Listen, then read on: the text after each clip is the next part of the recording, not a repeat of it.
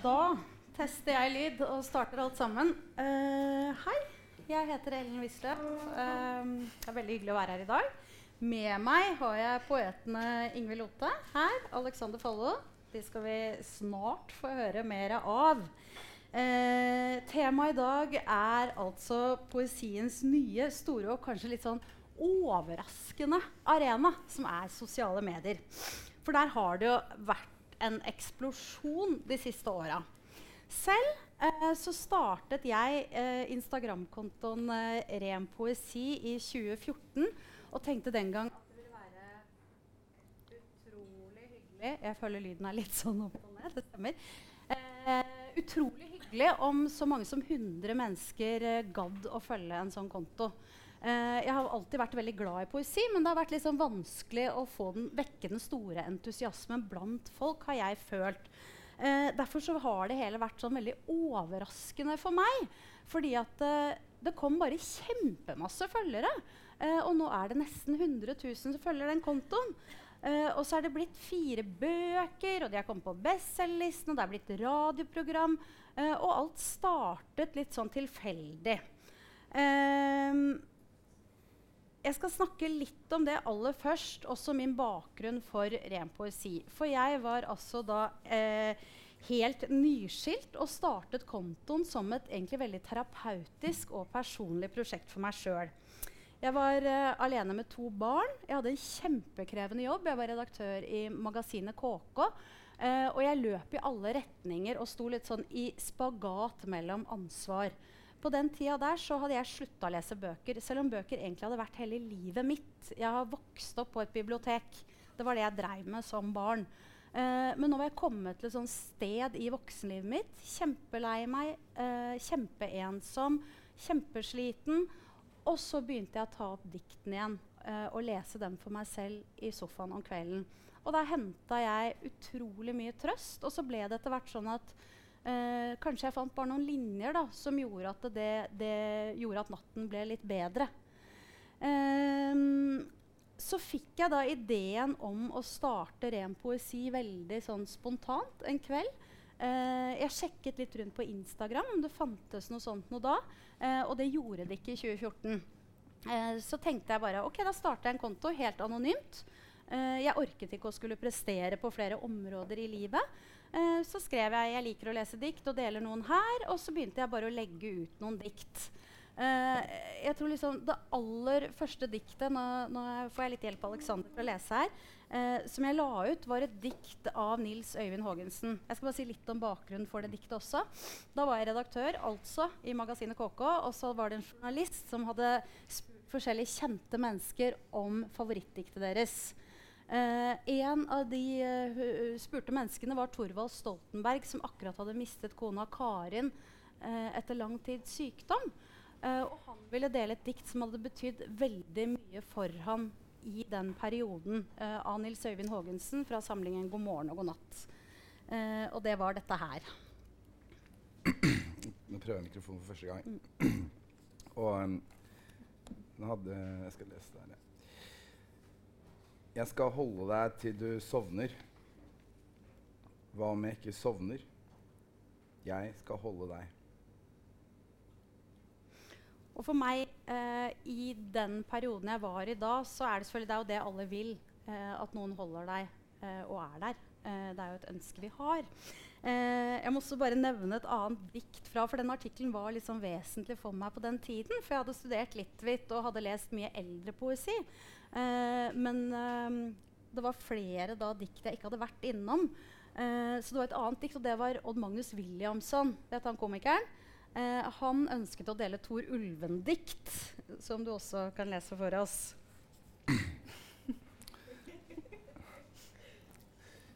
Sitt hos meg, kjære, fortell om den tiden da jeg ikke finnes mer. Så sånn så begynte jeg å dele dikt uh, og lete etter flere uh, dikt. Uh, jeg sendte i begynnelsen en tekstmelding til ti venner, sånn at noen skulle følge med på den Instagram-kontoen. og noen i hvert fall skulle se hva jeg drev på med. Et par av dem måtte jeg tvinge til å følge. For jeg hadde jo ikke så mange følgere, så jeg kunne jo hele tiden se sånn Og du, by the way, gidder ikke å følge mitt prosjekt. Eh, men så etter hvert så begynte det å dukke opp følgere jeg ikke ante hvem var. Eh, I starten så syns jeg det var så spennende, fordi som jeg sa innledningsvis, så har jeg alltid lest veldig mye poesi og eh, ønsket å lese det. Eh, ta det med i klassen og, og lese det, det der. Eh, men ikke følt at det har vært så stor entusiasme for det.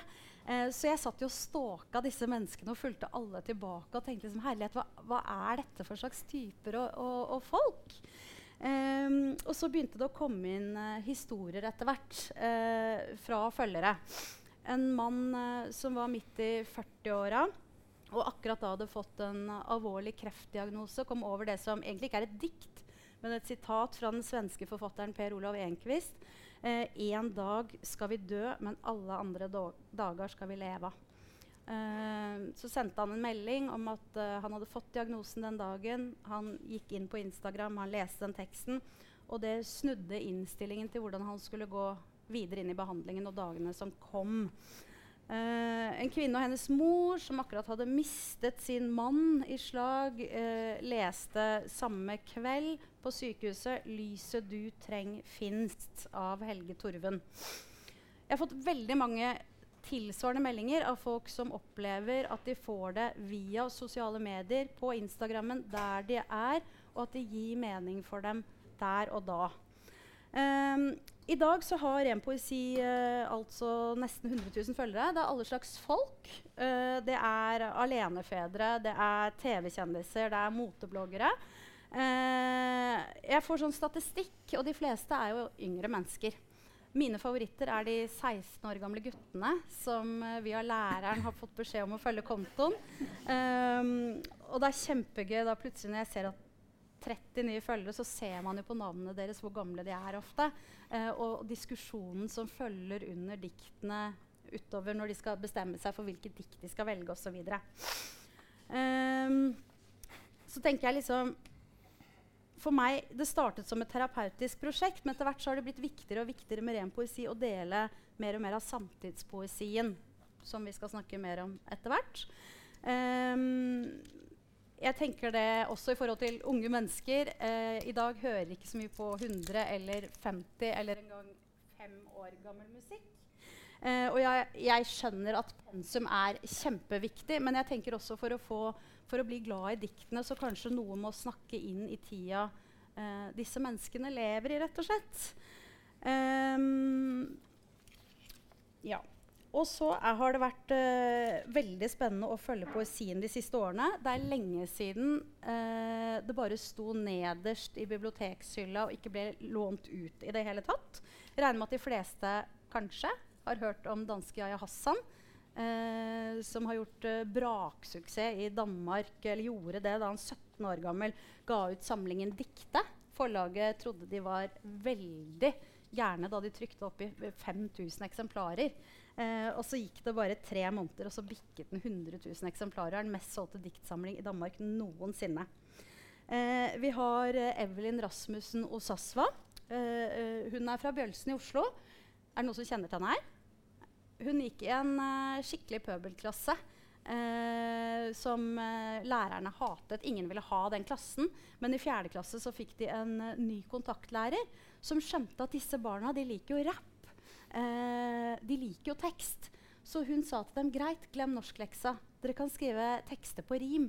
Og det ble så populært blant disse ungene at de etter hvert konkurrerte om å lage de beste tekstene på rim. Eh, i sommer, Sist sommer så var det Grand Slam i Paris. Det er verdensmesterskapet i slampoesi. Evelyn representerte Norge. I finalen så var det fem land igjen. Og det, jeg må si det er sånn som Grand Prix var før. Du må fremføre på språket fra landet du kommer fra. Så det var fem land igjen i finalen. Fire av dem var fra engelsktalende land, også Evelyn fra Norge. Med sånn teksting på skjerm bak. Men hun vant som første kvinne og første nordmann noensinne. Uh, Fredrik Høyer har gjort seg veldig bemerket med slampoesien. Og så er det da inn i de sosiale mediene hvor alt fra på YouTube at det finnes poesifilm, at det finnes kunst og poesi. I Danmark, eh, det er jo en venninne av deg, Ingvild, poeten Asta Olivia Nordenhoff, som har en blogg som er blitt pensum på videregående skoler i Danmark. Du kan kanskje si noe mer om det? Hva skal jeg uh, ende på? Mm. Jeg tenker da, da, blir det kanskje litt mer komplekst. at Man kan snakke om eh, Danmark versus Norge. Mm. Hvordan de tar til seg ting på en annen måte Mm. enn eh, vi har gjort i Norge foreløpig. Mm. Det hadde aldri skjedd her ennå, tror jeg. Nei, Kanskje om fem år. kanskje du skal starte en blogg. Nei, det Nei, men ja, men den har vært i pensum i, i, videre, i videregående skolene. Det er jo kjempespennende at uh, det brukes på den måten. Og så inn i de sosiale mediene så har vi da etablerte forfattere og poeter som Frode Grytten. Eh, kanskje mange fyl fylte Twitter-prosjektet han hadde for noen år siden. eh, som endte med samlinga 'Vente på fuglen'. Helge Torvund, eh, eldre, stor poet, bruker sosiale medier aktivt. Og så er det da alle disse nye poetene som dukker opp på Instagram især. Eh, for her kan jo hvem som helst starte sin egen konto og få følgere sjøl. Uh, og så har du bare si hvordan man berører og hvordan man treffer, og det er kjempeinteressant. Som f.eks. indisk-canadiske Rupi Kaur, som har 2,5 millioner følgere. Og da hun, hun startet jo enkelt og greit på Instagram, uh, men da hun ga ut sin første diktsamling, så solgte den i like stort opplag og toppet New York Time, Times bestselgerliste med 'Milk and Honey', eller 'Melk og honning', som den heter på norsk. Men så kan vi jo spørre om blir det hele litt for enkelt. Det skal vi også snakke om. Da har jeg bare dratt en intro om meg sjøl og uh, litt om poesi i sosiale medier. Uh, nå skal jeg dra med meg disse to her. Uh, dette er eh, 28 år gamle Ingvild Lothe. Hun debuterte med samlingen 'Litt lyst til å pule, litt lyst til å dø'. Hennes neste samling 'Hvorfor er jeg så trist når jeg er så søt', er altså trykt i fire opplag og oversatt til svensk, tysk, dansk og nå spansk. Kjempespennende. Den er solgt til spansk. Den har ikke kommet ennå. Den skal, sa jeg. Ja, ja, ja. Eh, dette er eh, Alexander Fallo. Han har nesten 20 000 følgere på Instagram, hvor han daglig deler dikt, gjerne flere, til en ganske stor følgerskare, og har gitt ut to chapbøker på AFV Press. Maria 1 og 2. Disambiguation. Yes.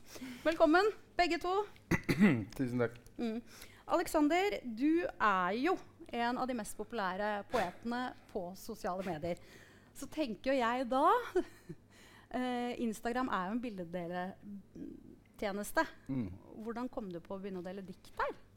Em, jeg em, Jeg har liksom jeg har, altså det, det skal vi snakke mer om det òg, men det om å dele eller det om å skrive på internett for eksempel, har jeg jo egentlig gjort en stund. Eller sånn med Twitter og blogspot.com liksom. Og ha, altså det, sånn som det Da Instagram kom, så delte jeg bilder, men jeg tror det er derfor det egentlig har kommet det er Grunnen til at jeg liksom jo, Ideen ble nok født av at jeg, det er så naturlig, var så naturlig for meg å gjøre det. Fordi jeg har alltid gjort det.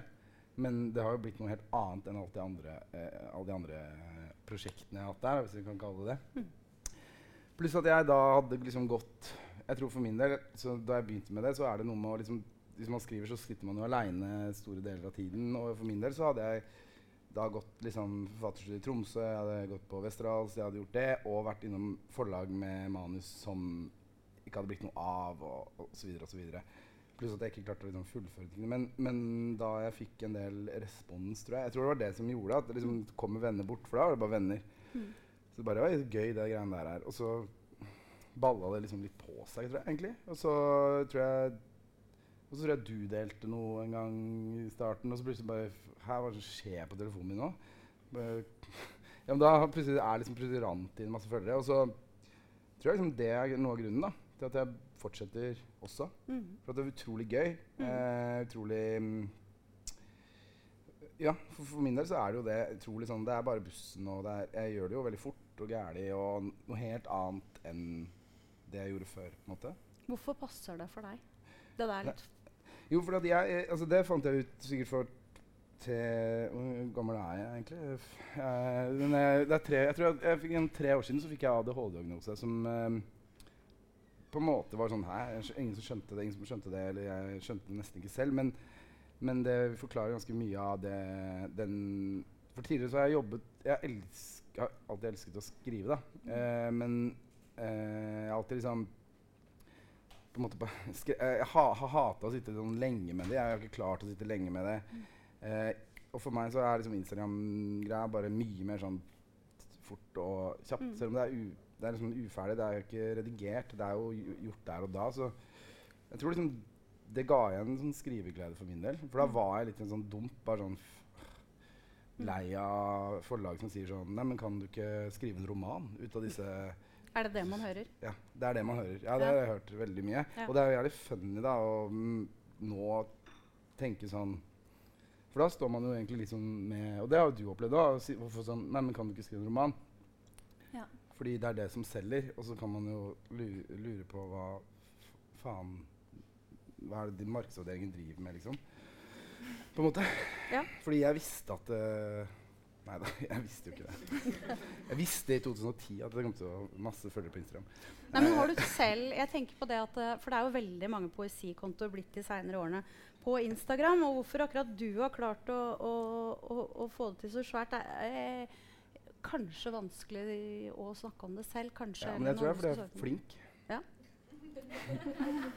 Og så tror jeg det er fordi at uh, Ja, men det tror jeg. Uh, det er ikke sånn at det Jeg tror det er veldig mange som skriver på Instagram som kanskje har på en måte Kanskje lest Men for min del så er det jo noe jeg har gjort lenge. Mm. Uh, og det er liksom ikke lett, å, selv om det ser lett ut. Og det ser man jo ofte at folk som Og det er kanskje det som ofte skjer. Det er mye sånn, sånn diktsamlinger som ligner på Nei, diktkontoer som ligner på andre diktkontoer. Mm. Akkurat som det er sånn eget eh, økosystem av Instagram-poeter som leser andre Instagram-poteter. Poeter. Mm. Uh, og det er jo ikke bra. Og jeg sier ikke at alt det jeg har lagt ut uh, i løpet av disse årene, er bra. Mm. men, men jeg tror, jeg tror kanskje at jeg skjønte et eller annet. Da. Mm. Men det er vanskelig å snakke om det selv, ja. Det er vanskelig å skryte av seg sjøl.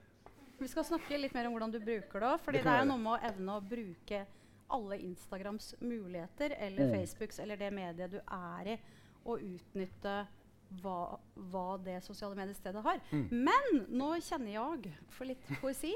Uh, jeg tenkte at Alexander kunne lese litt for oss. Uh, vet ikke om dere følger han alle sammen? At Alexander Falle. Du burde i hvert fall gjøre det. Ja. Eh, nei, men lese litt typisk uh, Det er gratis, da. Dikt. I hvert fall. Ja, det er gratis Mm. du Mm. Eh, jeg kan ehm, Skal jeg lese kort, eller skal jeg lese langt? Les flere du, Alexander. Ja, vet du hva? Det er en ganske funny historie. Eh, eller er, kan kanskje bli det. Men eh, jeg eh, Apropos ringvirkningene, ringvirkningene, a- ringvirkningene av å skrive dikt som er, så sy eh, som er egentlig sånn umiddelbart og ligger der ute for alle Mm. der og da. Mm. For at jeg skrev dette diktet her sånn, sånn som jeg alltid gjør, liksom på bussen eller på, annet, Mm. på vei til et eller annet sted. Mm. Og så skriver jeg det, og så tenker jeg liksom litt sånn ah, Her er nesten en sang. Og så, og så uh, fikk jeg melding etterpå av uh, de jentene i nummer fire som uh, spiller og synger og yeah. står på. Uh, og da sa de sånn Hei, jeg vet ikke om den har kommet før. Jeg vet ikke om Bendik Jeg så at Bendik hadde lika bildet. Uh, men jeg vil, vi, er, vi, er vi før ute, så vi vil gjerne bruke deg. Og det er, det er en sånn ting som kommer Ja. med dette. da Det hadde aldri skjedd fordi det her Nå er sikkert de gang med å skrive til ny plate, eller noe, Ja. så da passer det. Men hvis det hadde kommet en diktsamling, så hadde det jo kommet for seint for den plata. Ikke sant? Um, kan lese, da. Ikke Ja. snakke så mye. jeg lover deg, jeg er over deg. Jeg er under deg, du er over meg. Jeg er over deg, du er under meg. På siden, over. Jeg lover, over. Bak, fram, tilbake. Jeg kan lese en del noe mer òg. Mhm. Noen ganger tenker jeg at alle dikt egentlig burde vært sånn her. Du er så jævla vanskelig, men hei, jeg liker en utfordring. Og dette er sånn kort ting som på en måte føler er sånn veldig sånn Instagram eh, Mhm. Som på en måte ikke, kanskje ikke hadde funket så godt i en bok, men kanskje en sammenheng i en bok. Men Mm. Vi bare ventet så lenge at det ikke lenger var noe å vente på. Det var kanskje for mange tog du kunne hoppe på. Det ene var raskt, eh, det andre var nymalt. Det tredje kunne ta deg med til Paris. Nå står du der på stasjonen, og alle tog er innstilt. Apropos tid, da. På sosiale medier så har man jo tidstyp Man kan poste dikt når som helst på døgnet. Og det føler jeg, liksom, jeg Hvis man snakker om hva jeg kanskje gjør riktig, er at jeg på en søndag poster et dikt som passer på en søndag. Hvis dere skjønner hva jeg mener. Eh, men dette er jo ikke på en søndag. Dette er på når det er nyttår. Eh, altså i, nyttårsaften, heter det.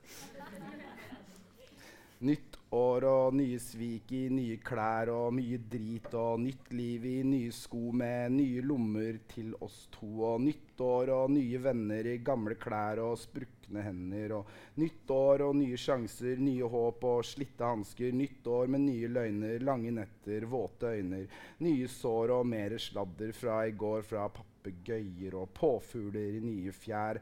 Jeg er borte, og du er der. Nytt år med nye penger, nytt år med alt vi trenger. Nytt år med nye kriger, barneskrik og gjeld som stiger. Nytt år med weekendturer med Botox-fylte pannefurer. Nytt år og nye minner, nye svik mot snille kvinner. Nytt år og en helt ny vei. Samtidig som at du er du, og jeg fortsatt er meg. Jeg vet ikke hvor jeg kan fortsette og fortsette og fortsette. Ta ett til. Baby! Jo da.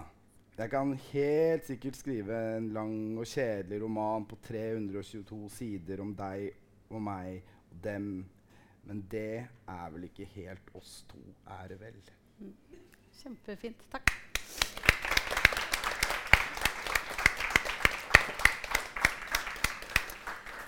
Ingvild Lote, eh, du startet, vet jeg, en eh, Twitter-konto i 2010. Og fikk etter hvert en stor fanskare der. Ja. Hva delte du? I begynnelsen så forstod jeg at man var nødt til å være litt morsom. så det var kanskje min eh, lille eh, ko komikerperiode. Ja. Men så etter hvert så begynte jeg å skrive ting som jeg, jeg likte å skrive. Og Ja. da fortsatte de å være der. Kan vi, ikke, kan vi ikke bare få høre litt med en gang av type Twitter-perioden din, Ja, som var starten for det hele? Da fulgte jeg jo Ingvild, og det var jo jævlig morsomt, men det var jo jævla bra. òg. sånn, det var sånn en jo, men det var, altså, det var mange på Twitter som var morsomme på den tiden. Og så var du også morsom, men du hadde en sånn en eller annen kvalitet som uh, var kanskje litterær. Man merka seg henne. Ja. Vi ble kjent på Twitter. Tusen takk, Bare Alexander. hyggelig. Mm. Jeg bare leser noen tweets, jeg, da. Ja, gjør det. Ok. Jeg syns jo ikke det er så veldig morsomt lenger. Men, eh, men jeg var veldig ung, da. Mm. Skal vi se Den eh, 25. februar 2011 skrev jeg Dagens gode gjerning. Kjøpte sigaretter og kondomer for en tolv år gammel gutt. Jeg skjønner ikke det Jeg trenger alkohol, du trenger ikke alkohol. Jeg trenger alkohol, du trenger ikke alkohol. Jeg trenger en ny intern dialog.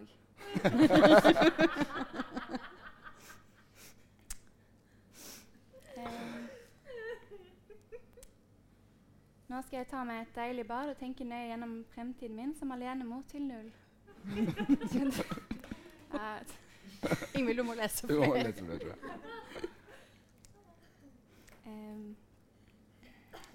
det er lenge siden jeg har lest. um, eh, eh. Men så kommer det noen sånne fine dikt innimellom. Ja. Men nå var vi ikke der. Jo, les det òg. Den er. Den? Ja. Nei, den er ikke den søt. Lesekunst. Den er ikke så, s- Nei, ikke så Ja. søt. Den er jo morsom. Er litt morsom. Jeg liker to typer menn. Eh, nordmenn og utlendinger. jeg var 20, 21 år når jeg skrev dette, så må tilgi det. Men så, så prøvde jeg liksom, så begynte jeg å skrive sånn som jeg skrev i dagboken min innimellom. Så ble det litt mer sånn poetisk. Så da er det en her jeg skrev 18. mars 2012. Jeg velger meg motgang, da finnes det håp. Medgang og jeg danser i lyset fra illusjonene mens skyggene holder måltid ved bordet. Han drømmer hemmelig, jeg staver navnet hans feil. Mm. Skal vi se Herregud, altså. Skal vi se Det er veldig mye som ikke egner seg. mm.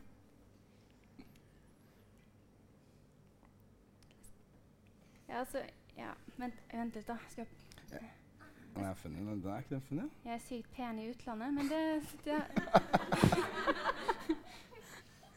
mm. um, Skal vi se Finne en til, Ingvild. Ja, jeg skal få finne en som er litt bra, da. Mm.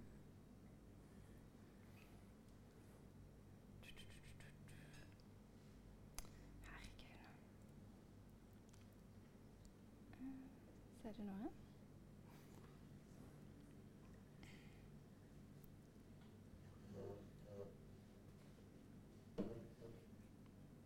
Da jeg sa jeg ville feste, mente jeg øynene til tårene og munnen til latteren. Du fortjener en stående applaus fra min høyeste finger. Mm. Vi klapper for Ingvild og Twitter-poesien. Eh, men Ingvild, eh, dette her var jo før du ble en eh, kjent kritikerrost. Eh, oversatt poet i flere opplag. Du var ukjent, og, og du måtte liksom bygge opp en følgerskare. Kan ikke du fortelle om det Twitter-miljøet på den tiden, hvor Alexander var en del? Og, eller kan begge fortelle? For det var jo litt sånn i, Dette er jo starten på Instagram-poesien min også. Ehm, altså for meg var det egentlig Før den tiden så drev jeg en sånn eh, anonym tekstblogg. Men så skjedde det noe. Mm. Så jeg ble veldig fornærmet. Det var Da var det en sånn ganske kjent blogger som hadde kopiert en av mine tekster og delte på sin blogg under sitt eget navn. Nei, det var ugreit. Veldig ugreit. Eh, som igjen gjorde da at jeg slettet den bloggen og fikk Twitter med mitt eget navn. Eh, Sant. Men det, er har- det har skjedd meg òg. ja, utrolig frekt. Men det er Eh, jo det som er problemet mitt. Mm. så, så da ble jeg sånn Nei, jeg gidder ikke skrive mer. Jeg gidder ikke dele mer eh, eh, anonymt. i hvert fall. Mhm. Så eh, Ja, så fikk jeg Twitter, og så eh, Og da, da tok jeg opp igjen videregående i Bergen. Et år. ja. um, men så merket jeg liksom at eh, folk begynte å eh, følge meg tilbake. Så ble det mer sånn eh, kommunikasjon. Mhm. Og så flytta jeg til Oslo året etterpå. Ja. Og da var det med den Westerdalsgjengen. Det var sånn de som hadde blitt komikere. Mange av de. Mm. Magnus Devold, Hasse Mm. Hope, eh, Odd Magnus Williamson, den Ja. gjengen der. Det var ikke så mange litterater der, egentlig. Nei. Men eh, jo, men så eh, møtte jeg Kasper Erik eh, på Twitter. Mhm. Jeg møtte Olga Ravn på Twitter. Mhm. Eh, så plutselig ble jeg invitert til en sånn Jo, så var det et sånn lite som het et av Sveriges største forlag. Som, det heter det fordi det, var det minste forlaget i Sverige.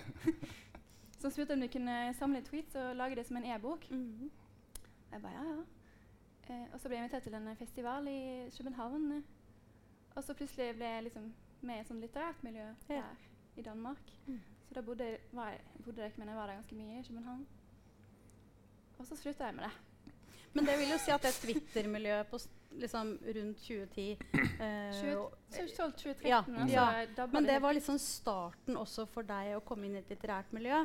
Og så snakket vi litt om i stad eh, For Alexander, du var også på Twitter på den tida, og Ja. det med AFV-press. Ja, fordi Ja, vi det hadde samme som jeg snakket om med Kasper. Ja. Han debuterte på AFV Press. Også. Ja, og det gjorde sånn, begge dere òg. Mm. Mm, som er Kenneth Pettersen, som er egentlig sånn eh, sånn, Hva kaller man det? Primus motor? For liksom ja, men han, Han er han, barnevernspedagog. Barnevernspedagog som Nei, jobber barnehagepedagog. Barnehagelærer. Ja. Så, men så driver han et lite forlag og er sykt opptatt av egentlig sånn internettpoesi som egentlig er sånn i USA større, for det er større land uh, osv. Mange stater. 52 stater. Og, ja, men der, der er det jo der, Men han har gitt ut mange amerikanske forfattere og ga ut Ingvild. Og ga ut meg eh, en sånn bitte, bitte, bitte liten bok. Eh, men, og, Men han har jo fanga opp mange av de som er kjente er i dag. men det er akkurat det vi snakket om med Norge. Altså, det, har aldri skjedd i Norge, det, sånn som Mm. at hun eh, Nå husker jeg ikke hva hun heter. Hun, eh, Asta. Asta Pensum. Fordi alle disse danske poetene har jo eh, blitt store i Danmark og blir blitt oversatt til norsk. Mm. Og mm, folk spør seg etter eh, hvor er Og det, er også, det har vært en debatt i Sverige også. Mm. Hvor er de, hvor, hva faen gjør danskene riktig, liksom? Og hvorfor er ikke svenskene der? Og så er det en, også folk som Kenneth har gitt ut, som eh, nå gir ut bøker. Um, Ellis Byrå og hun, Anna Aksfors. Ja, f.eks. Som, som, så det handler jo egentlig om å få opp øynene litt, og, og se litteratur på en litt ny måte, kanskje. da.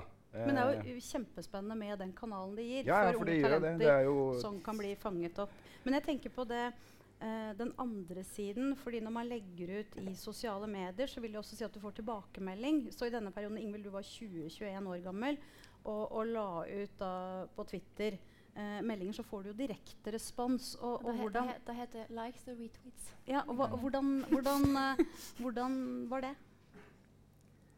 Det, det, det var hyggelig, det. Um, Du fikk mest positivt. jeg, fikk, ja, jeg fikk aldri noe hets der, men jeg merket jo at det var liksom det som var morsomt, som ble liket og ja. Det var ikke et sted for å liksom dele følelsene mine. Så Jeg ser at de som er litt mørke, de er skrevet på natten Mm. ofte. Mhm. Sånn eh, klokken to. Men gjør det eh, Vi skal tilbake til det etterpå. Men gjør det noe med hva du skrev på den tida? Det at, sånn, at man får masse like og boost på det. At ok, men da fortsetter jeg det sporet. Og så mister du kanskje eh, noe veldig viktig på veien. I at man bare vil underholde.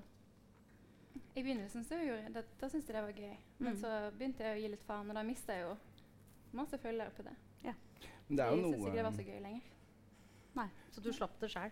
Men jeg tenker at det er noe sånn eh, Det er, det, det er nesten det er liksom konkurranse. Det er, det er jo litt sånn men Man skjerper seg jo også, da, tenker jeg. i hvert fall, det, Man blir jo uh, skjerpa når man vet at det man legger ut, blir sett og det, Mm. det er ikke sikkert det handler om likesene. Det handler kanskje om at likesene uh, betyr at det treffer Altså, likes i seg selv er jo ikke så viktig, men det, er- det er jo en, en anerkjennelse for at man kanskje har gjort noe riktig, da. Ja. Umiddelbart.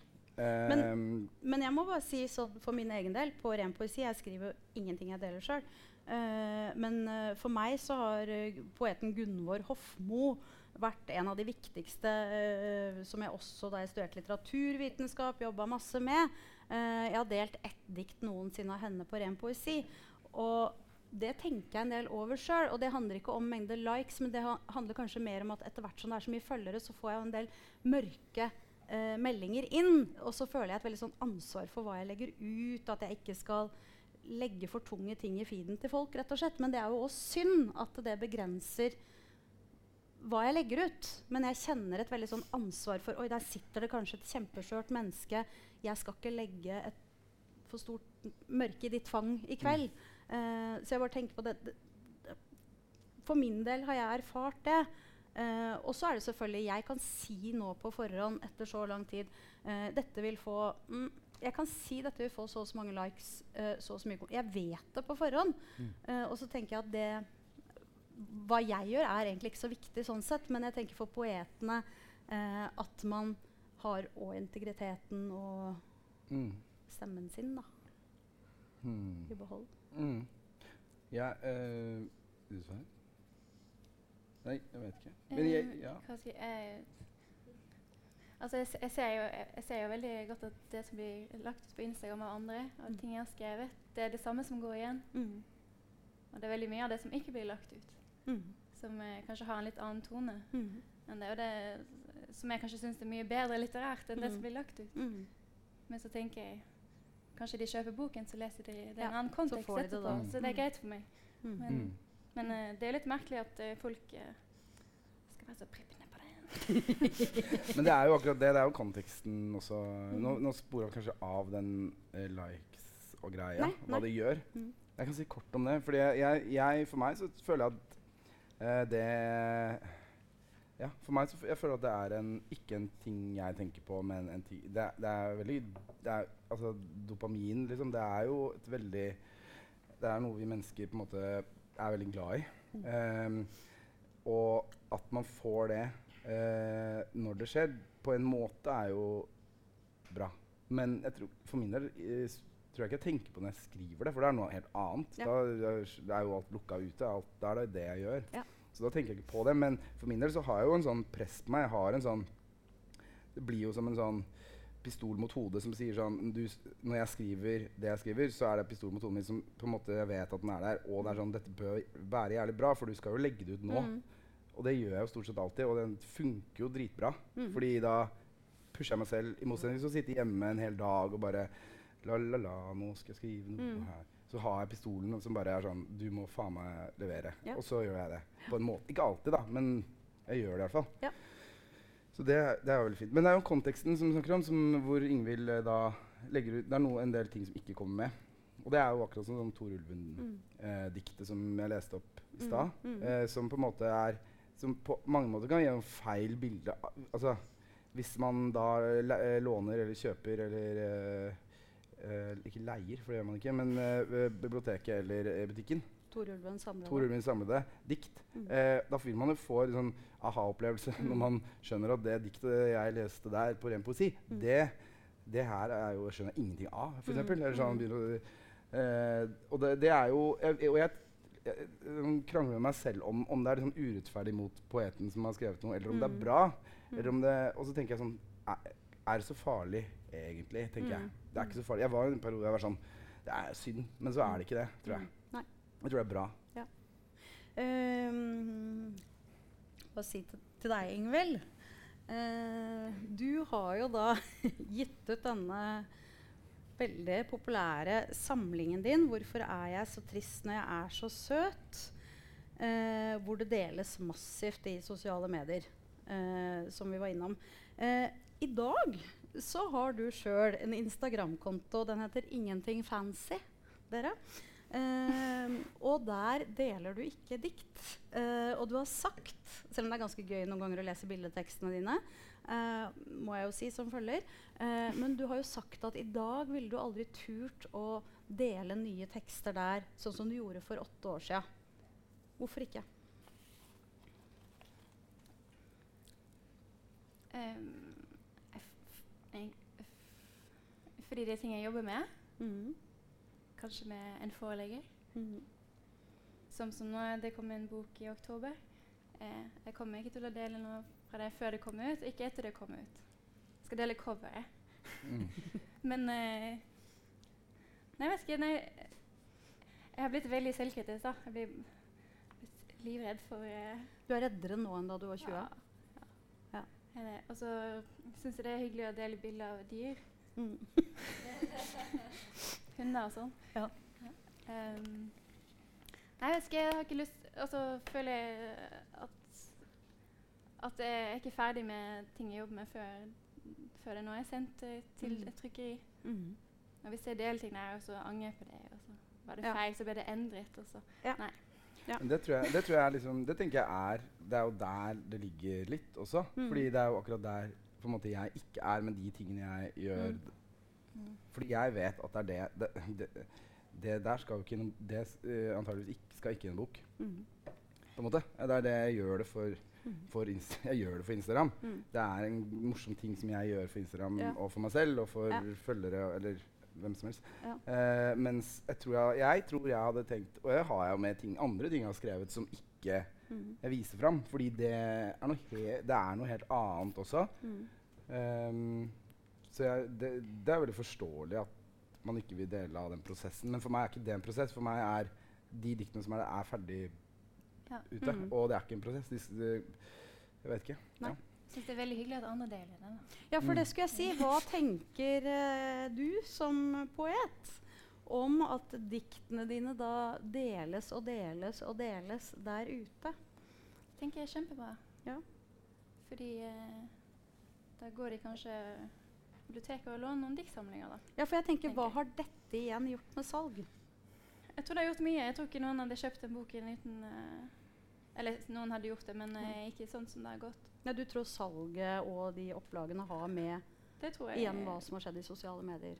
Jeg tror det, fordi det er ikke noen bilder med på sosiale medier eller noe sånt. Det er Nei. ikke noe å hente der. Det har vel litt ja.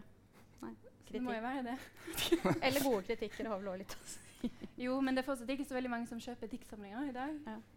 Det er jo ikke det. Altså, altså plutselig har jeg fått en eh, Plutselig satt jeg på Facebook, så fikk jeg sånn åtte videoanlevere som hadde det i eksamensoppgave. oppgave. Så spurte vi om jeg kunne tolke mine egne dikt. Ja, hvilken, det fikk jeg òg. Hvilken, hvilken videregående var det? Hvilken det var en i? Stavanger. Ja, Og da Tromsdal. og så- Tromsdal sa jeg sånn Men sånn Det er utrolig rart for meg. Men, jeg tenker, men så sa jeg prøv først selv, og så kan jeg lese det, og så kan jeg hjelpe deg etterpå. Mm. Det skjedde med meg Det òg. ikke skjedd, uten det. Det skjedde med meg òg, akkurat det der. Er det sant? Plutselig sånn rush av meldinger. For det var sånn, Hva faen er det som skjer? Det er veldig nå, Tromsdalen nå, ved videregående. nådeløst. Nådeløs oppførsel. Jeg har aldri turt det.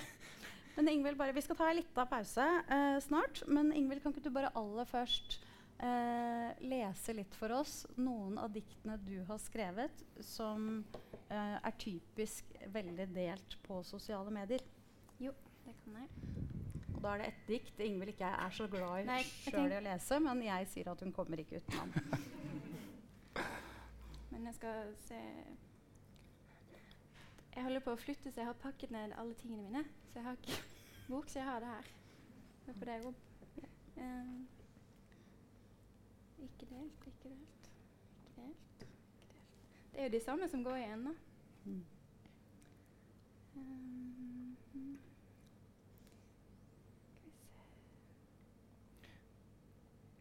Skal vi se Hva er det som ble Å, Gud. Var det det jeg husker? Er, er det det jeg tror jeg husker, er det det jeg husker, husker jeg det? Det her- husker jeg. ja. Er det det? Dette, blir, dette har blitt delt mye. Ja. Mm. Det er kanskje det morsomste. Det er derfor det blir delt. Um, det finnes ingen reell forskjell mellom vaginalt samleie og abort. Han er unnskyldt, men uansett hvordan en ser på det, er det bare en eller annen idiot som pirker deg i skjeden med et ubehagelig redskap. Det er sånn folk liker på Instagram. Dette også liker de på Instagram. Eh, nei, det er kanskje ikke Nei, men eller jeg leser ikke det. også. det mm. Skal.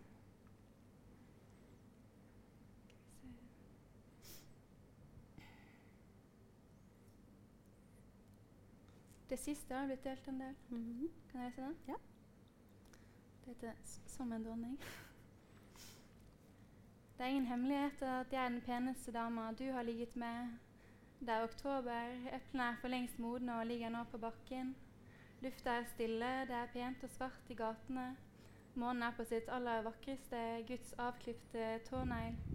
Jeg er nypult og glad, har sæden din i munnen når jeg går. ja. Tar du dovendyr før pause? Kan jeg egentlig bare si utenat, for det er så godt. Mm? Det trenger jeg ikke lese. Mm. Um, det, var, det var en vits, da. det går sånn her. Da jeg sa jeg var et dyr i senga, mente jeg dovendyr. Beklager jeg misforståelsen. Vi kommer jo ikke utenom, det har vært delt så innmari mye. Eh, vi skal ta en liten pause, så dere kan fylle på glassene. Eh, etter det så skal jeg også komme med litt interessant forskning fra Danmark om hjernen vår og oppmerksomhetskapasitet. Det syns jeg var ganske spennende sjæl, om jeg må si det sånn. Så det gleder jeg meg til å snakke om.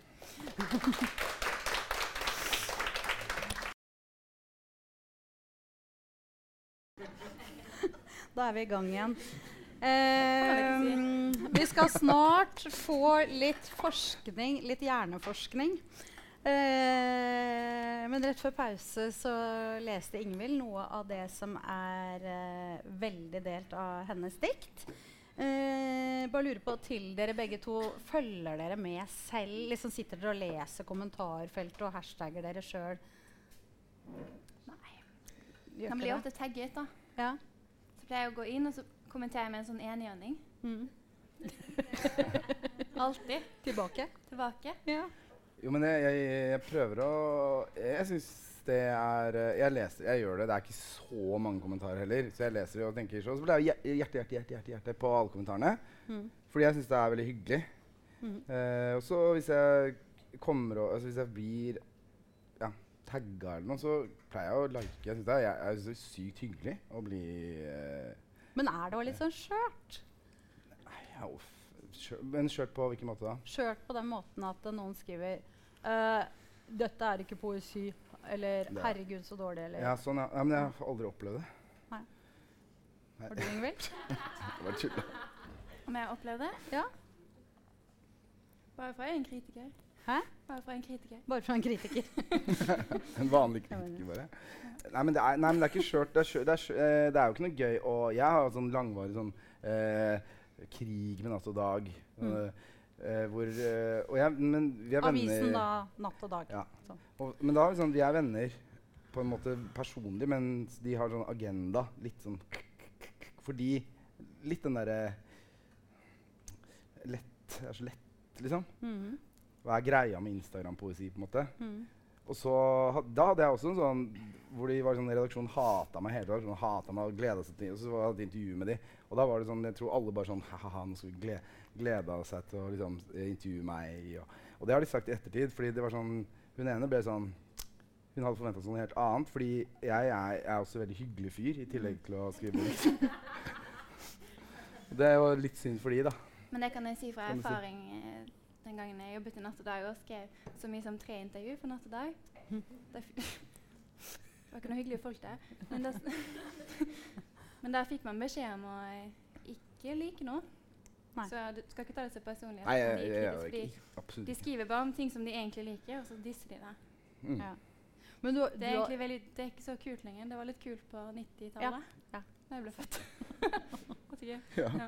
Du, Da du var seks år, så var det 1996. Men jeg 1996. syns ikke det er noe morsomt lenger. Det var litt gøy før, men de ja, Jeg liker ikke Natt og dag, folkens.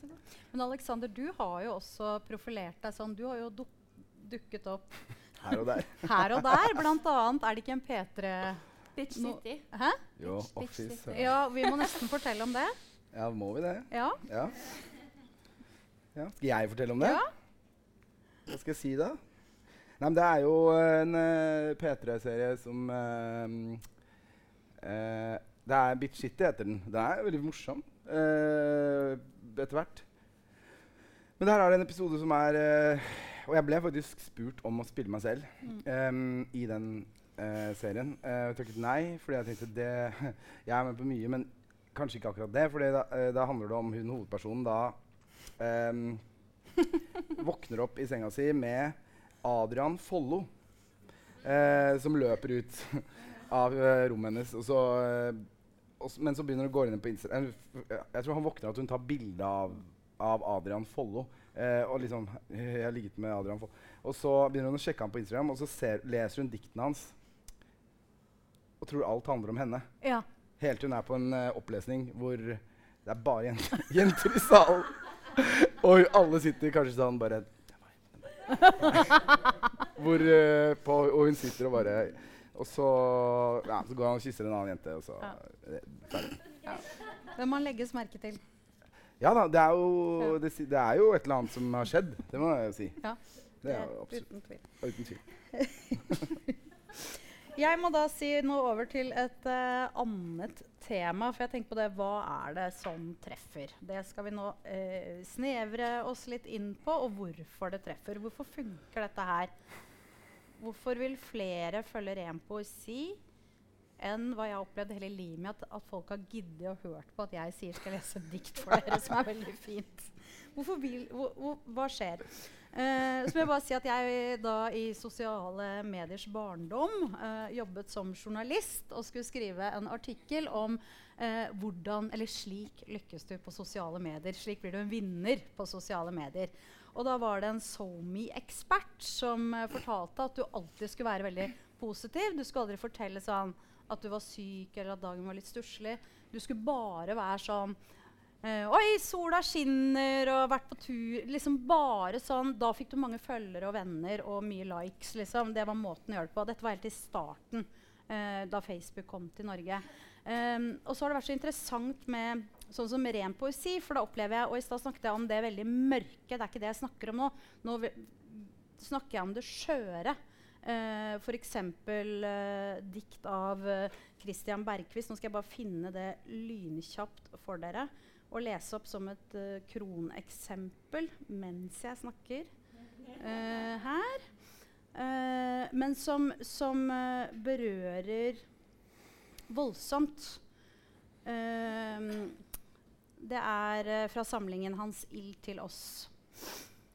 Jeg liker mennesker som har hatt uorden i seg. De som kommer fra angstland, og de som har vært i 100 års ensomhet. de som fortsatt holder ut, virker som et innafor-menneske, men som egentlig er et utafor-menneske. Og kanskje gjemmer seg litt bort på fest. Å, jeg er en sucker for sånne. Mm. Og det mm, er kanskje et av de aller mest uh, likte og videredelte diktene jeg har lagt ut. Eh, så det er jo liksom noe helt omvendt av hva jeg lærte meg den gang. Eh, hva opplever dere sjøl? For det første skal man ikke høre på hva eksperter sier. Mm. For det andre så tror jeg at uh, folk uh, trenger Jeg tror folk uh, trenger å Eller jeg tror at sosiale medier som, som generelt er ekstremt dårlige for folk. Eh, og jeg tror at eh, folk bør slutte med det, på en Mm. måte. Mm. Men jeg tror også at da, når det kommer inn sånn som ja, det du deler, eller jeg deler, eller Mm. uh, i den feeden av liksom vet altså, selfies eller bilder fra en topptur eller bilder fra et antrekk eller et eller annet, da, så tror jeg det er utrolig Jeg vet ikke, men jeg tenker at det er veldig deilig for folk å få det lille tomrommet i På en eller annen måte så eller jeg, uh, det, her er, det er bedre å bruke eksempler fra virkeligheten, og det skal jeg gjøre nå. Uh, det er typ sånn at jeg har opplevd at folk har fulgt meg, at jeg treffer på en eller annen måte i deres uh, hvordan de har det der og da over en Mm. periode. Og det er jo det jeg syns er fascinerende med min Instagram-konto, at jeg kan gjøre akkurat det. Mm. Og, vær, og så var det sånn det, så, Hun ga tilbakemelding på det var sånn du, i, liksom, I fem dager så traff du liksom på alt. Mm. Liksom. Følger som skal Ja, bare helt sånn. Nei, jeg traff henne på gata, faktisk. Eh, men, men da Men så stoppa det, Mm. for da var jeg på en annen greie. Men det, det er også veldig interessant. da. Og jeg tror folk har det jo bra, men folk har det jo ræva òg, liksom. Det vet jo alle som har levd eh, et liv. Mm. Eller er på vei til å bli ferdig med Mm. livet sitt. Mm. Men uh, Og det skal, alle skal dø, dere vet det. Uh, men uh, ja, men jeg tror det er godt. Ja. Mm. Er ikke det? Ja, Jeg tror det. Jeg tror absolutt det. Men òg med sosiale medier og poesien der, så har man liksom en ny sjanger på gang innen poesien. Eh, Mm. Insta-poesien. Eh, som er blitt nesten et innarbeidet begrep eh, ved at det er liksom korte tekster, ofte litt snappy, eh, morsom poeng. Er dere enig i den definisjonen? Ja. Jeg tror det, hvis du, hvis du er en sånn person som følger med og skal scrolle, så har du ikke tid til å lese så langt. Så Mm. jeg tror det må være Mm. Tror det. tror det. Ja, jeg sjekka akkurat hva, hvilke dikt som har mest likes av min dikt. Ja. Det som er, har mest likes, er et som er Og det er jo egentlig uh, Når jeg leser det hvis jeg le, eh, Det står 'Jeg har tenkt på deg'. Og det har jeg tenkt på. og det er at det dukker opp i min feed som Det er jo en slags uh, historie i Mm. hele feeden min, egentlig. på en Mm. eller annen måte. Og jeg tror da funker det sikkert også ekstra godt. Mm. Men andre dikter er litt lengre dikt. Men- Og ja. Ja, for jeg tenker du, Alexander, du bruker jo veldig det var det jeg sa i stad, Mm. eh, det Instagram har å by på. Der er det jo stories som man kan taste seg eh, på, som bare ligger ut 24 timer, og, og eh, det kommer Du kan bare trykke videre på Mm. nye bilder som kommer opp. Mm. Um, og der er du vel den jeg vet som bruker det mest. Kan ikke du lese noen eksempler fra en sånn eh, Hvordan du gjør det? Ja, nei, for da, det er jo bare en slags sånn Det føles nesten ut som sånn dialog egentlig med følgerne på en eller annen rar måte. For da kan, jeg, da kan jeg liksom ligge i sofaen og, og gjøre det. Mm. Eh, og nå skal jeg bare finne den eh, eh, historiene mine, som det heter. Eh, hvor jeg liksom eh, Vent, da. Skal vi se. Det ligger jo i historiegreiene, vet du. Eh, eller gjør det det? Et lite øyeblikk. Nei, eh, vet du hva, nå finner jeg det ikke. Eh, men det jeg kan gjøre, er å lese noe annet. Fordi jeg har, jeg har, det, det er også en historie hvor jeg også har gjort det. Mm. Hvor jeg da skrev, typ, brukte den her, som Mm. ikke er eh, tekst. Men da er det også det samme konseptet, egentlig. Mm. Eh, som er bare at jeg sitter og kjeder meg på jobb, og så er dette logoen til jobben. Mm. Så hvis jeg skriver på denne, så er det ingen som skjønner at jeg gjør Og da er det Men da, det er jo litt, det er litt samme. Det er mm, litt fordi at jeg ikke fant det andre. Men det andre greiene er sånn Diktet er det og det. Diktet er Mm. det og det. Jeg kan finne det etterpå, Mm. kanskje. Ja. Lukk øynene, tenk på noe fint. Ikke på han idioten som ikke ville ha deg uansett.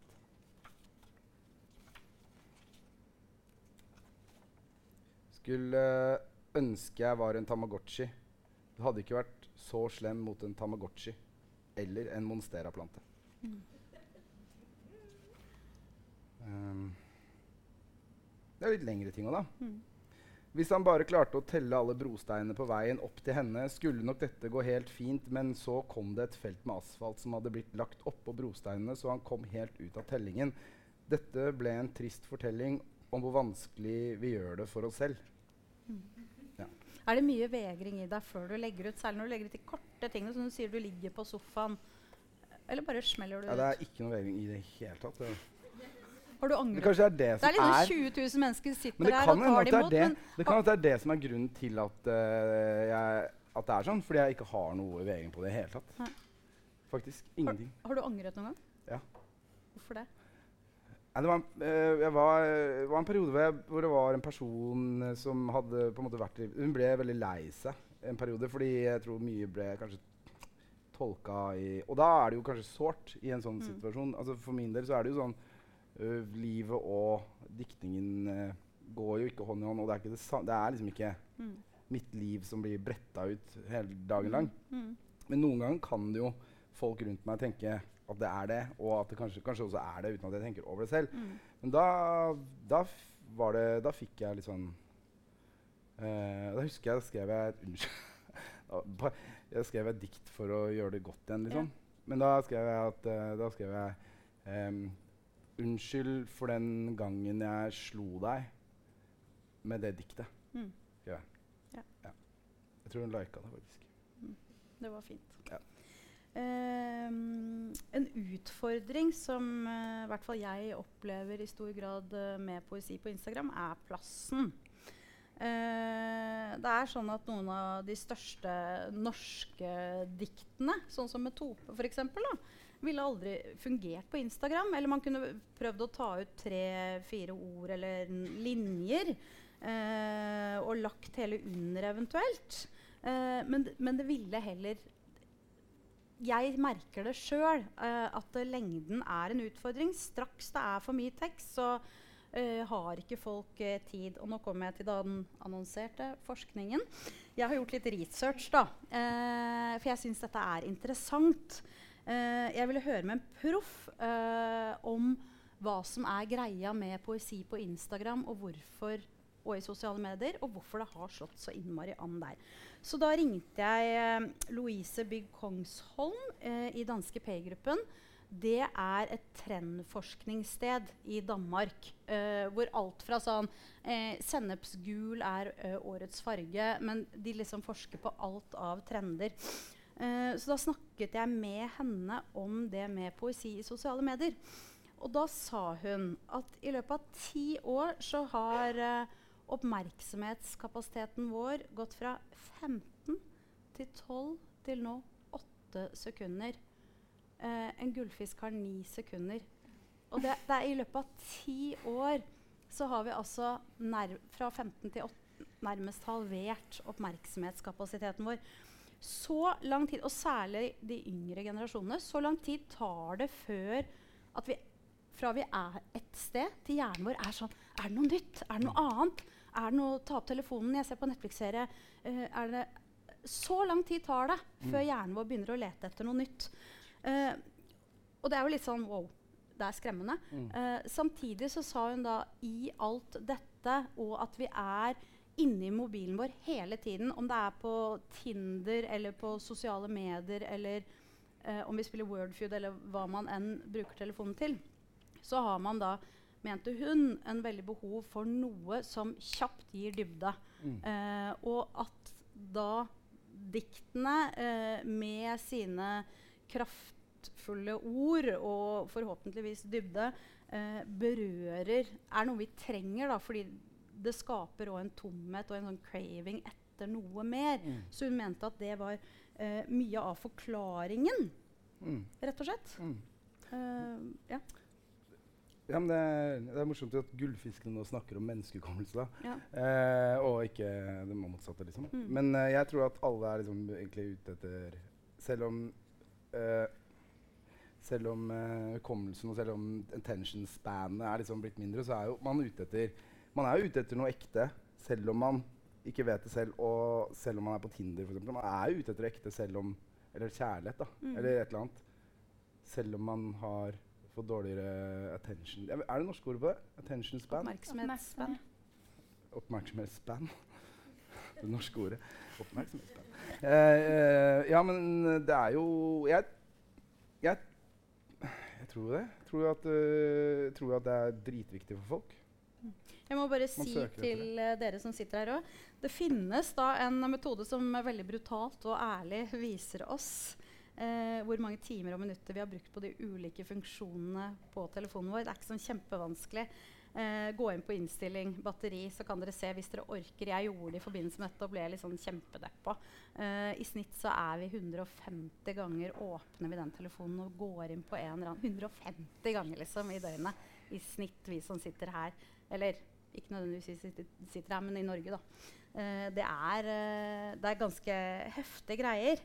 Eh, men jeg tenker også på at det blir så eh, kort. Mye av det som deles i sosiale medier, er det òg en fare at det, Um, det blir for lett? Er det liksom fordi det er flyktig lesning, så stiller vi ikke så store krav?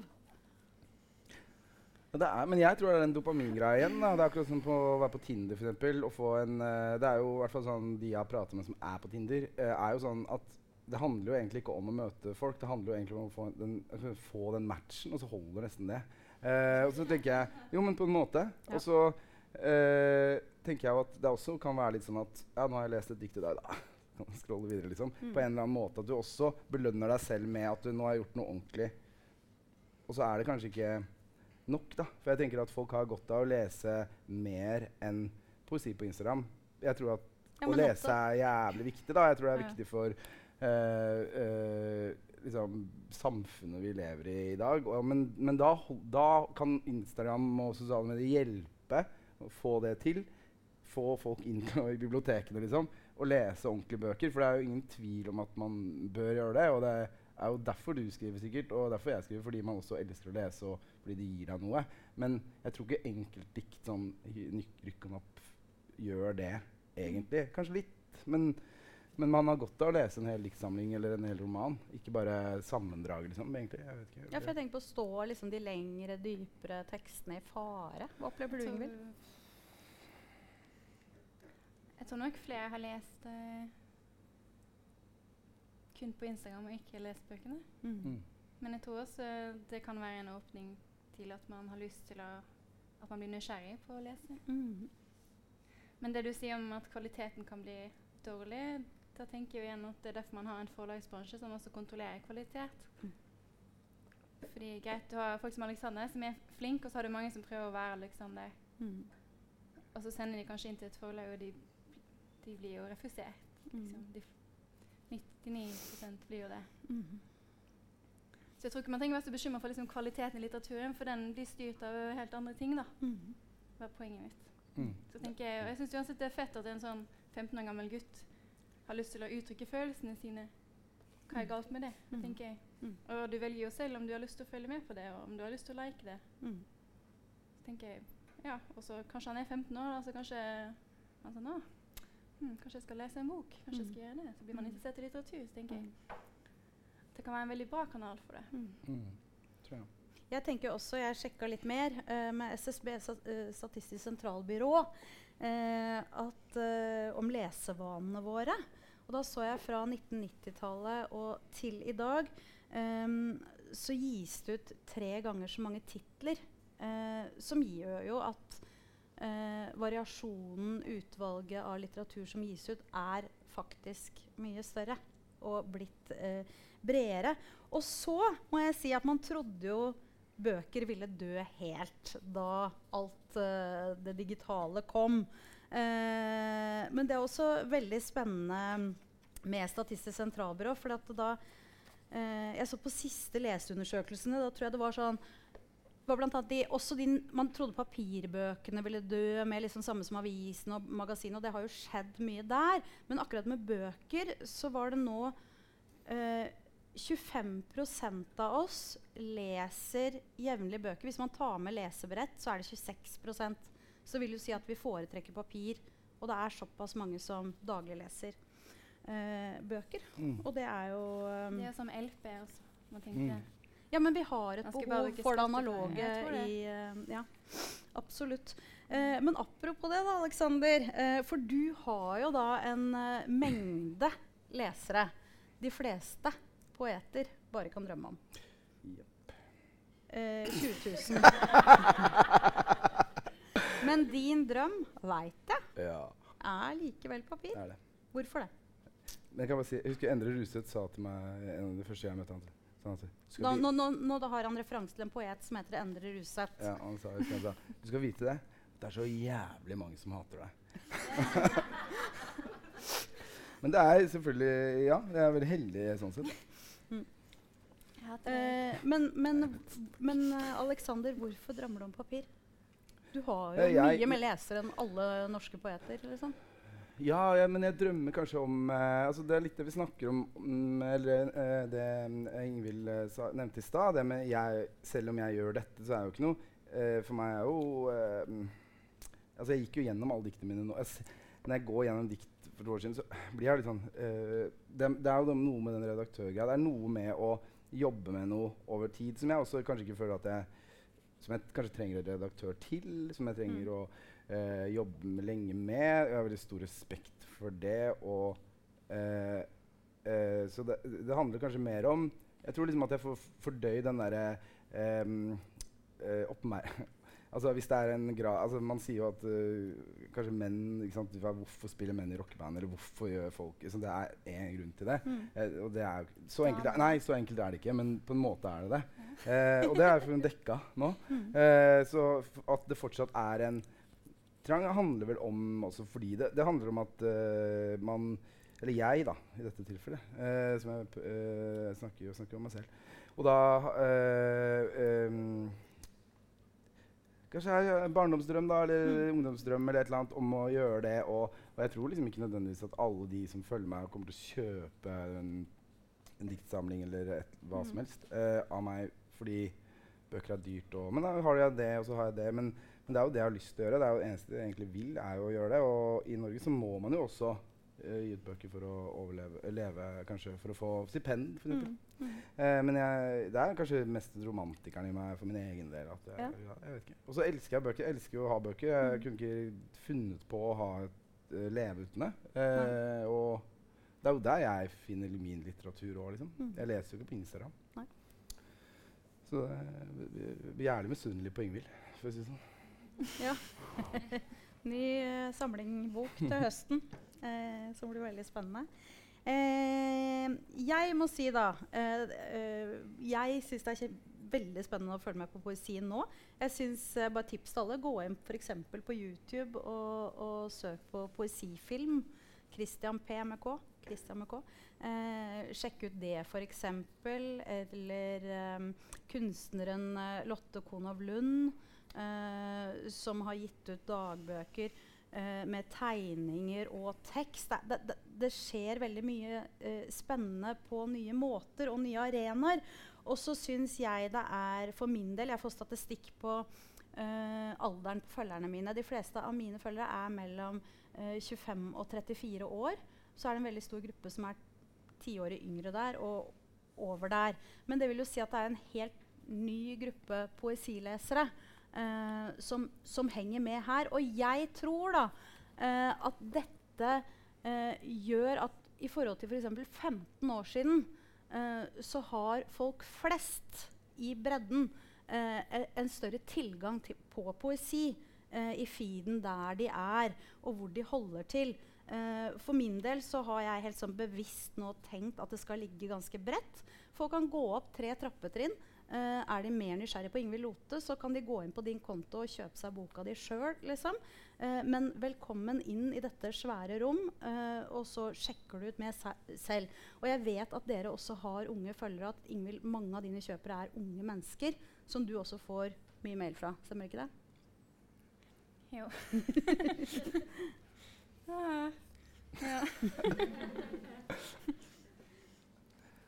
Jeg har fått en del Det er veldig mange som spør meg om eh, eh, råd til hvordan de skal leve livet sitt. Ja. skjønner du. Hun har ikke med boka si engang i dag, liksom. Nei da. Ja, det er eh, interessant. det syns jeg er veldig hyggelig. Men, men da hadde de lest hele boken, da. Ja. Det er ikke folk som har lest på Instagram. Da hadde de lest alt, og så Ja, og så prøver jeg å gjøre så godt jeg kan, da. Mm. Med å stille opp. Mm. Jeg har også hatt besøk av eh, en jente hjemme hos meg Mm. som hadde behov for det. Du har også arrangert kjærlighetssorgskurs. Ja, Eh, det hadde jeg også fordi jeg var forlovet med en fyr, og så. Jeg ble sur for det. Mm. Ble egentlig, nei, jeg ble ikke sur for det. Jeg ble, jeg ble helt ødelagt av det. Ja. Men det, det går bra nå. Mm. Ehm, ja, så da hadde det det masse Det kom en del uh, unge mennesker. Ja. Men, Men det var utrolig er- slitsomt for meg, fordi eh, jeg er ikke psykolog. Så Nei. jeg måtte slutte med det. Jeg måtte gi ballen videre. Så kan jeg ikke. Men poenget er jo uansett at uh, det sosiale medier gjør, er jo å, å, å gi en mulighet for folk flest som kanskje ikke har hatt peiling på hvor de skal starte med poesien, og kanskje har sittet der med et pensum. Ehm, jeg må bare nevne et lite eksempel sånn på tampen. Jeg har en ti år gammel venninne, datteren igjen til en venninne av meg. Ja, men, ja, men fi, ja, hun er ti år gammel. Uh, og fikk da uh, lille Adam av Arnulf Øverland uh, i lekse. Og det er jo på en måte eh, en, et univers som hun ikke klarer å skjønne. Damene skal engasjere, Adam danser ikke mer. Ja, eh, hvorfor kan ikke Adam danse for det? Liksom? Det, det er på en måte jeg skjønner at som jeg sa i sted, pensum er viktig, men det er likevel noe med at uh, samtidspoesien som snakker et språk som folk skjønner, som igjen kan gjøre at du ikke må prestere og føle at du skal analysere hver gang du møter et dikt. At det gjør at folk kan bli glad i poesi da, Mm. og kjøpe samlingene deres og gidde å bry seg. Det syns jeg er veldig flott. Så, helt på tampen, kjære Ingvild Lotte. Jeg har da utfordret deg først eh, til eh, å lese noe av det litt lengre som du gjerne skulle ønske at ble delt i sosiale medier. Nei, jeg skulle aldri ønske det. Nei, du skulle ikke det? Nei, nei. Nei, ok. Men det er litt lengre som i hvert fall det blir ikke delt. Det blir ikke Eh, det er for langt. Uh, og jeg tenker at vi skal få høre litt av de andre diktene dine. Tre? Fra, ja, fra, fra 'Hvorfor er jeg så trist når Ja. jeg er så søt'? Jeg kan lese tre dikt da, som jeg har Ja. planlagt å lese. Skal vi se Det første heter 'Så går jeg, og hva har jeg'?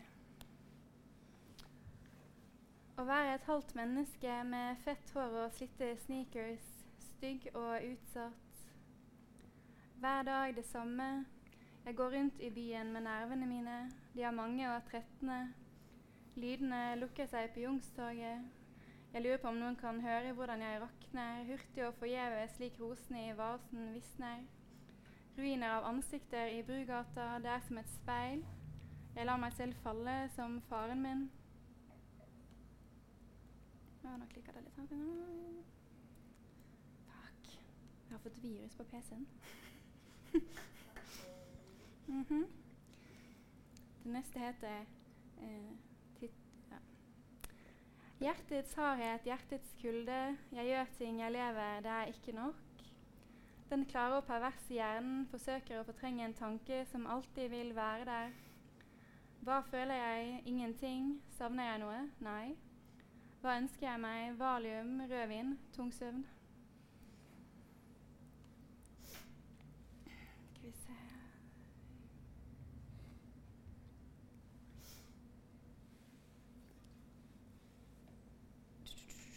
Det er litt lenger ned der. skal vi finne.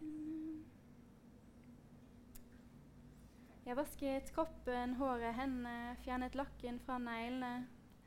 Jeg barberte underarmene, skjønnet, hodet, skrubbet den blanke skallen. Jeg vasket bort munnen, leppene, taleevnen, alt jeg noen gang hadde sagt. Jeg fjernet linsene, plukket ut øyeeplet, alt jeg noen gang hadde sett. Et pent snitt på midten, og huden prellet av i alle retninger. Jeg plukket ut innvollene, skylte dem i vasken, hang den til tørk på balkongen. Tynntarm, tykktarm, endetarm. Jeg drømmer om skandinavisk avstand og delikate problemer, men vagina er et åpent sår. Det ligger et menneskefoster i toalettskålen. Jeg må trekke ned flere ganger før alt forsvinner i sluket. Mere? Holder det? Kan gjerne lese et til. Jeg er lett å finne det, vet du.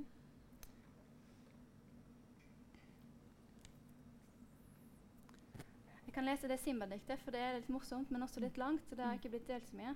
Mm. Det syns jeg er veldig morsomt. men man må ha sett 'Løvenes konge' for å ta referansen. Men det har vel alle sett. Ja. Jeg er 18 år ikke til å holde ut. Rangler gatelangs og røyker. Flørter med sensor på oppkjøring. Kler meg utfordrende til muntlig eksamen. Til ingen nytte. Jeg stryker i livet. Peser navlen på jentedoen. Dropper ut av skolen. Får venner jeg kan svikte. Drikker meg for full når jeg er ute. Kler meg i svart og vil sove mye. En rom og cola og mer bekreftelse, takk. Jeg er så fucking classy. Merker Merka ikke at jeg hadde kledd av meg før jeg lå mennesketom og blank på en skitten sofa. Cumshot rett i fjeset. Selvfølgelig ble jeg forbanna, så jeg tok meg til ansiktet, samlet spermen mellom fingrene, og med en teatralsk bevegelse gned jeg hånda over panna hans og hvisket 'Simba'. jeg løp gjennom gågata i glittersnø og ropte 'Dette er livet, folkens. Et sted for idioter'.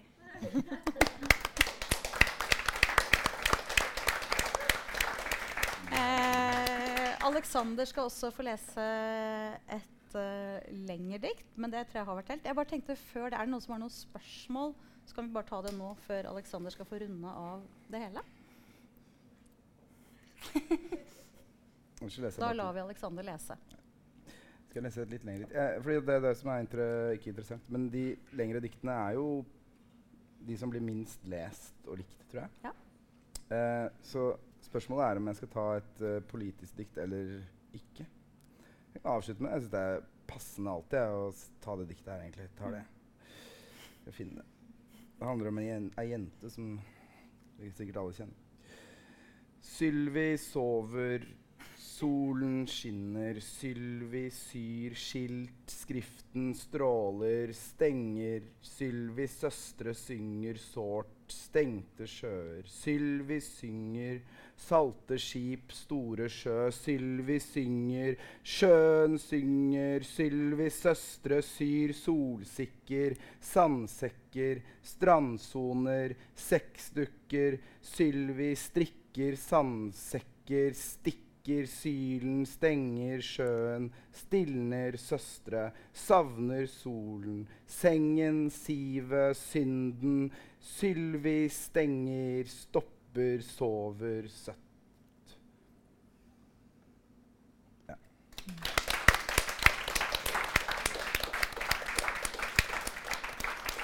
Da takker jeg eh, da Ingvild Lotte her, Alexander Fallo her, og takk for meg sjøl, Ellen Wislett her. Eh, veldig stas for oss å komme hit til Litteraturhuset i Trondheim.